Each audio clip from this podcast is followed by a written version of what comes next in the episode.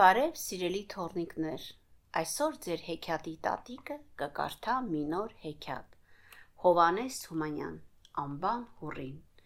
Լինում է, չի լինում մի կնիկ։ Այս կնիկը մի աղջիկ է ունենում, անունը հուրի։ Մի ծույլ, անշնորհք աղջիկ, օրը միջև իրիկուն պարապ, սարապ նստած։ Բան ինչ կանեմ, կեղտոտ է, բամբակը կորիզոտ է, մաստակ պիտի որ ծամեմ, կտերը տիտի կանեմ, անցորդին մտի կանեմ, ուտեմ, խմեմ, մթին քնեմ։ Հարևանները անունը դնում են անբան հուրի։ Ինչ մերն է աղջկանը գովելով ման է գալի լիդրը գզող, լիդրը մանող, համ խճճող, համ խուճուճը հանող, ձևող, կարող, հունցող, թխող, եփող, թափող, մի խոսքով հուր հրեղ են մատները ոսկի։ Այս գովասանքը գնում է մի երիտասարդ վաճառականի ականջն են կնում։ Այս երիտասարդ վաճառականն ասում է. Իմ ուզածն էլ հենց սա է, որ կա։ Գլխապատար գալիս է անբան հուրեին ուզում, հետը պսակվում, տանում իրենց տուն։ Մի քանի ժամանակից յետը մի 10-20 բեր բամբակ է առնում, տալիս կնկանը, թե գնում եմ հերուտեղ առևտուրի, դու էլ ես բամբակը գզի մանի, գամ տանեմ ծախեմ հարստանանք անբան հորին է իրեն համար մաստակ ծամելով ման է գալի։ Մի օր էլ գետի ափով նանց կենալիս է լինում, որ գորտերը կրկռում են. Փեփելը կեկել, փեփելը կեկել, վույ, աղջի փեփելու կեկել, ձեն է տալիս անբան հուրին, որ բամբակը բերեմ ձեզ տամ կգզեք, բեր, բեր, բեր, անբան հուրին ուրախանում է, գնում է բամբակը կրում, բերում, ածում գետը։ Դե գզեցեք, մանեցեք, մի քանի օրից յետը կգամ, մանածը կտանեմ, որ ծախեմ։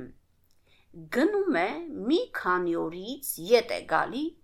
գորտերն էլի կրկռում են։ Փեփելը կեկելը, փեփելու կեկել, աղջի փեփելու կեկել, Կեկել, դե մանածը բերեք։ Գորտերը շարունակում են կրկռալ, իսկ մանածը չեն բերում։ Հուրին մին էլ որ նայում է, աչքով ընկնում է գետի ափին ու քարերին փաթաթված կանանչ մուրը։ Ոյ ասումի, քուրանամ իս հա, տես, համել մանել են, համել խալիչա են գործել իրենց համար ձեռը ճակատին է դնում ու ասում. Դե որ խալիչա է գործել, մեր բամբակի փողը բերեք, ձեն է տալիս ու ոտը փոխում մտնում ջուրը։ Հանկարծ ոտն առում է մի կոշտ բանի, հանում է տեսնում մի կտոր ոսկի, փեփելին ու կեկելին շնորհակալություն է անում, ոսկին վերցնում, փեշին դնում, գալիս տուն։ Մարդն էլ առևտրի տեղից է գալիս, գալիս տեսնում է իրենց թարեքին մի մեծ ոսկու կտոր։ Այ կնիկ, էս ինչ ոսկի է։ Թե բա չես ասիլ, բամբակը փեփերին ու կեկելի վրա ծախեցի, բամբակի փողն է։ Մարդը ոնց է ուրախանում, այնպես էլ դուք ուրախացեք։ Զոնքաչին հրավիրում է, ընծաներ է տալիս, գովում է, շնորհակալություն անում, որ այսպես խելոք, շնորհքով աշխատասեր աղջիկ է մեծացրել։ Քեֆ է սարքում, նստում են քեֆի։ Զոնքաճը խորամանկ կին է լինում, իմանում է, թե բան ինչպես է պատահել, վախենում է, փեսեն էլի աղջկան գործ հանձնի ու գախնիկը բացվի։ Քեփի ժամանակ, լավ ժամանակը մի բզեզ բզզ ներս է մտնում ու բրբրթացնելով պատտվում սենյակում։ Էս զոնքաճը վեր է կենում, գլուխ է տալիս բզեզին, ասում է. Բարով եկար մորքուր ջան, ո՞նց ես,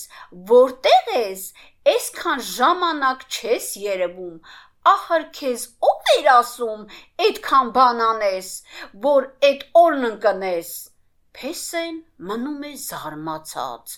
ասում է. Այ մեր խելագարվեցիր, քեզ ինչ պատահեց։ Էդ բզեզին ինչ ես ասում, մորքուրս ո՞րն է։ Զոնքաճը թե Այ որդի, քեզանից ինչ թաքցնեմ։ Դու էլ իմ որդին ես չես ասիլ, էս բզեզը իմ մորքուրն է, խիղճը շատ աշխատասեր կնիկ էր, ամբողջ օրն աշխատում էր, շատ աշխատելուց կուչ եկավ, պստիկացավ, այնքան պստիկացավ, որ դարավ բզեզ։ Մեր ցեղն էսպես է, շատ աշխատասեր ենք, բայց շատ աշխատելուց պստիկանում բզեզ ենք դառնում։ որ փեսեն լսում է, վախից քիչ է մնում պրոշը ճաքի։ Էն է լինում ու էն արկելում է։ Հուրին ձեռնել մի բան չտա, որ մորքուրի նման բզես չդառնա։ Կարդաց Մարա Բաբուն